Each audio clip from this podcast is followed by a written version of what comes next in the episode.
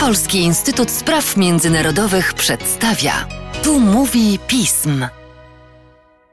Tu mówi pism. Przy mikrofonie Mateusz Józwiak, a wraz ze mną nasz ekspert, analityk do spraw Kaukazu i Azji Centralnej, Arkadiusz Legieś. Cześć Arku. Dzień dobry.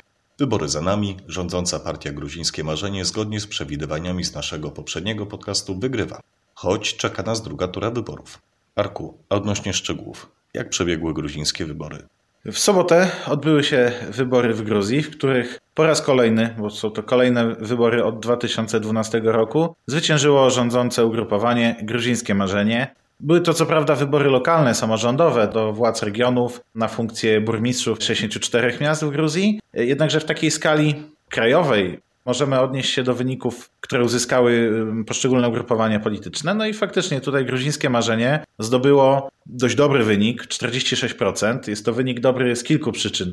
Po pierwsze, no, po ponad 9 latach rządzenia, jeżeli wygrywa się wybory i ma się wynik bliski 50%, no to, to, trzeba podkreślić, że to jest bardzo dobry wynik. A po drugie, no jest to wynik powyżej progu 43%, czyli tego progu, o którym rozmawialiśmy przy okazji poprzedniego podcastu, który był uwzględniony w umowie między rządem a opozycją zawartej wiosną, zerwanej niedawno przed wyborami tego lata który zakładał, że jeżeli gruzińskie marzenie jako partia rządząca, jeżeli miałoby nie uzyskać tych 43% w wyborach, no to wówczas miałoby być zmuszone do rozpisania przedterminowych wyborów parlamentarnych, ponieważ byłby to jakiś dowód na to, że, że gruzińskie marzenie w jakiś sposób majstrowało przy ubiegłorocznych wyborach parlamentarnych, kiedy dostało mniej więcej właśnie tyle poparcia. Pomimo, że to porozumienie formalnie już nie obowiązuje, bo zostało zerwane przez gruzińskie marzenie w wyniku tego, że opozycja, duża część opozycji przez długi czas tego porozumienia nie podpisywała, Rozmawialiśmy już o tym, także tutaj możemy odesłać do poprzedniego podcastu. No to jednak, mimo że to porozumienie nie obowiązywało, no to wszyscy, a szczególnie opozycja, a szczególnie media, patrzyły, czy gruzińskiemu marzeniu uda się przekroczyć ten próg. No i udało się przekroczyć ten próg. To nie jest tak, że to już zupełnie zbija wszystkie argumenty stronie opozycyjnej,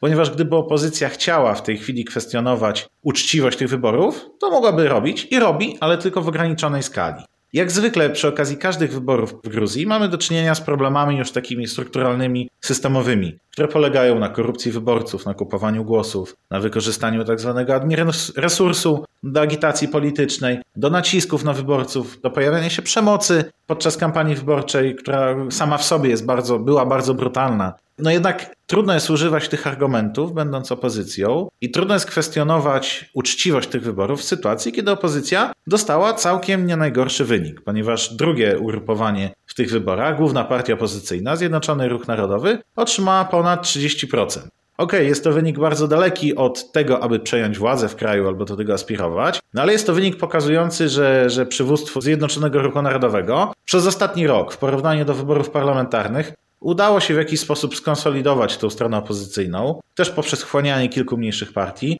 Udało się zmobilizować wyborców, bo też dodajmy, że frekwencja w wyborach była dość wysoka, jak na tego typu wybory, ponad 54%. No i udało się doprowadzić do drugich tur wyborów. W 20 na 64 miasta w Gruzji odbędzie się druga tura wyborów, ponieważ w tych akurat miastach żaden z kandydatów nie otrzymał przynajmniej 50%. Co istotne, taka druga tura odbędzie się w Tbilisi, co oczywiście będzie ogniskowało całe zainteresowanie kampanii, gdzie zmierzy się urzędujący burmistrz z ramienia gruzińskiego marzenia, były świetny piłkarz Kaka Kaładze oraz lider Zjednoczonego Ruchu Narodowego Nika Melia. Trzecia partia w tych wyborach, partia nowa, utworzona w tym roku, partia byłego premiera Georgiego Gahari, który opuścił szeregi gruzińskiego marzenia i utworzył swoją własną partię dla Gruzji. No tutaj zdecydowanie poniżej oczekiwań. Poparcie na poziomie około 8%. Sam Gaharia w Tbilisi nie przekroczył 10%.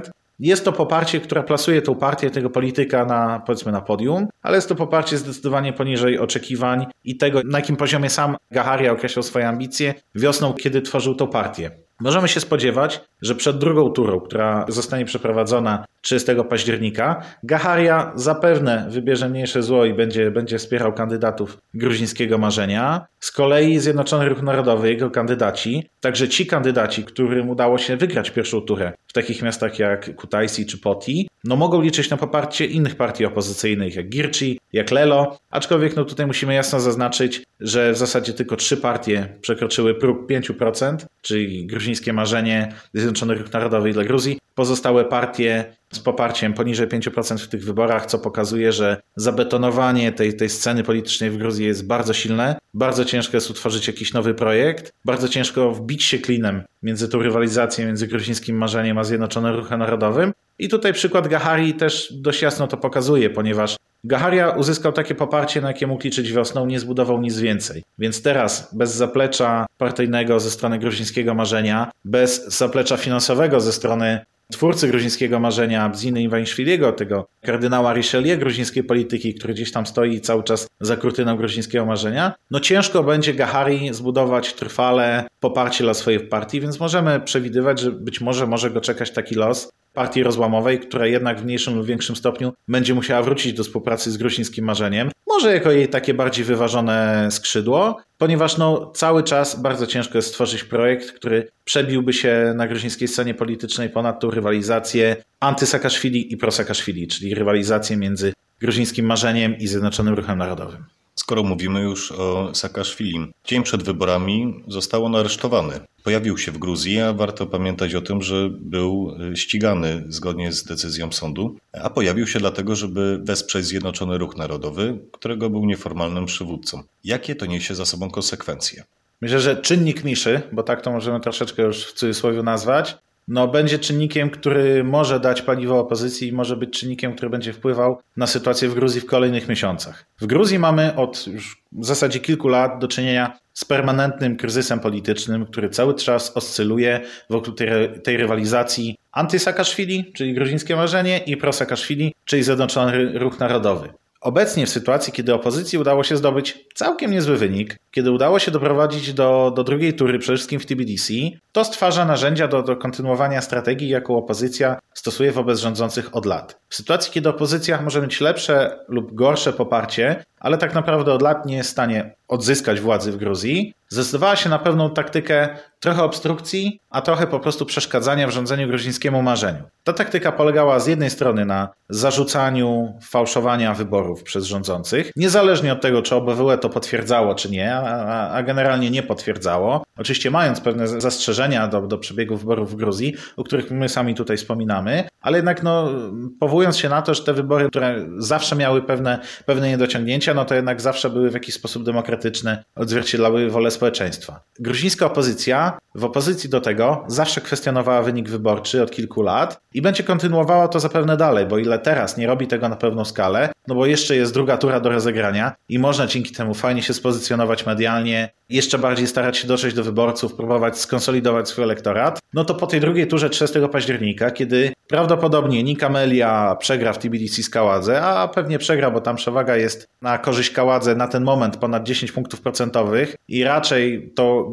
Kaładze ma większy potencjał do tego, aby zgarniać te głosy niezdecydowanych wyborców niż Melia, no to wtedy już będzie powód, żeby znowu oprotestowywać te wybory, aby podważać ich y, legalność, a więc tutaj pierwszy filar tej y, strategii gruzińskiej opozycji, ale drugi filar wiąże się z tym, aby podważać nie tylko legitymację partii rządzącej, ale również jej wizerunek. A najskuteczniej w Gruzji i wokół Gruzji można to zrobić, zarzucając komuś prorosyjskość. I tym samym sposobem od lat opozycja zarzuca gruzińskiemu marzeniu, że jest partią prorosyjską, co też jasno powiedzmy, to nie jest prawda. Tak? Y, nawet jeżeli gruzińskie marzenie w jakichś kwestiach jest bardziej wyważone w kwestii polityki wobec Rosji niż opozycja, no to nie można powiedzieć, że to jest partia prorosyjska. No jednakże opozycja stara się tą łatkę rządzącym i wewnątrz Gruzji, i na arenie międzynarodowej przypiąć, także w relacjach Gruzji z Unią Europejską czy, czy, czy ze Stanami Zjednoczonymi, co zaczyna od kilku miesięcy odgrywać jakąś większą rolę. I ten czynnik zostanie właśnie wzmocniony dzięki powrotowi Michaiła Saakaszwiliego do Gruzji.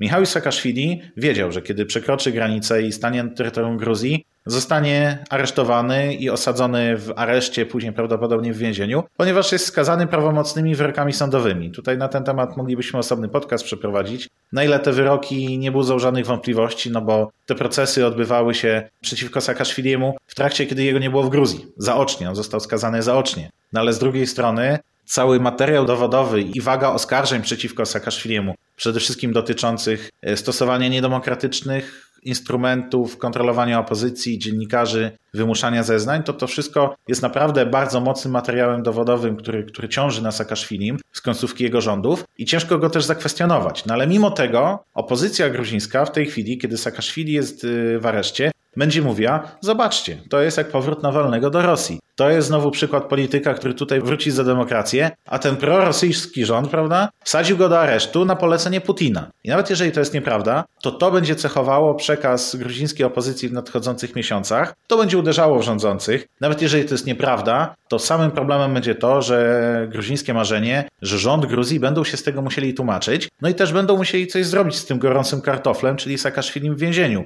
ponieważ ta sprawa będzie komplikowała relacje Gruzji z Unią Europejską, będzie komplikowała relacje Gruzji z Ukrainą, z którą zazwyczaj Gruzja miała co najmniej pragmatycznie dobre relacje. A teraz przypomnijmy, Saakaszwili, który etnicznie jest Gruzinem, jeżeli odwołamy się do kategorii prawnych, no, no nie ma obywatelstwa gruzińskiego, ale ma obywatelstwo ukraińskie. W dodatku jego partnerka życiowa jest deputowaną ukraińskiego parlamentu z ramienia partii Sługa Narodu, no i też już zapowiedziała walkę o prawa Saakaszwiliego. Możemy się tutaj spodziewać zapewne wiele zwrotów akcji, wiele wątków i, i pewnie spotkamy się jeszcze, żeby o tym kiedyś pogadać, ale w kategoriach tego, jak to będzie wpływało na gruzińską scenę polityczną i wewnętrzną stabilność Gruzji, no możemy sobie jasno powiedzieć, że źle, ponieważ będzie to kolejny instrument w rękach opozycji do obstrukcji prac y, instytucji publicznych, do przeszkadzania rządzącym, do stosowania takiej no, destrukcyjnej taktyki, która jednak w, w ocenie opozycji jest jedyną taktyką, która w tej chwili jest w stanie w jakiś sposób doprowadzić ich do odzyskania rządów w Gruzji, ponieważ zdają sobie sprawę, że nawet jeżeli teraz udało im się poprawić ten wynik do 300%, to to jest tylko 30%. To jest wciąż daleko za plecami gruzińskiego marzenia i opozycja nie jest w stanie w tej chwili rywalizować o przejęcie władzy w Gruzji, a tylko w ten sposób może efektywnie próbować walczyć z rządzącymi, no bo jeżeli ma się takie problemy, jakie ma gruzińska opozycja, czyli nie ma się programu politycznego, nie ma się jakiejś takiej alternatywy wobec Gruzinów, a sama sytuacja gospodarcza, społeczno-polityczna w Gruzji, już nie wchodząc w szczegóły, jest trudna i skomplikowana i ciężko przedstawić jakieś recepty na uleczenie wszystkich tych problemów, no to niestety opozycja gruzińska, czy jest zmuszona, czy chce, no ale świadomie będzie się odwoływała właśnie do takich destrukcyjnych instrumentów i, i będziemy to obserwowali. To nam każe spodziewać się, że kolejne miesiące w Gruzji to będą dalej miesiące niestabilne, miesiące protestów, miesiące eskalacji kryzysu politycznego, miesiące pogłębiania polaryzacji politycznej Gruzinów. No te najbliższe trzy tygodnie przed drugą turą, no to będzie okres naprawdę zażartej rywalizacji politycznej, która oczywiście skupi się w Tbilisi między Kakałkaładze i Niką Melią. I o tym, co przez najbliższe trzy tygodnie będzie się działo, a także kolejne miesiące, z pewnością jeszcze nie raz porozmawiamy. Tymczasem dziękuję Ci, Jarku, za dzisiejszy podcast. Dziękuję. A Państwa zachęcam do śledzenia naszej strony internetowej, mediów społecznościowych, czytania najnowszych biuletynów i komentarzy oraz rzecz jasna słuchania kolejnych podcastów. Do usłyszenia.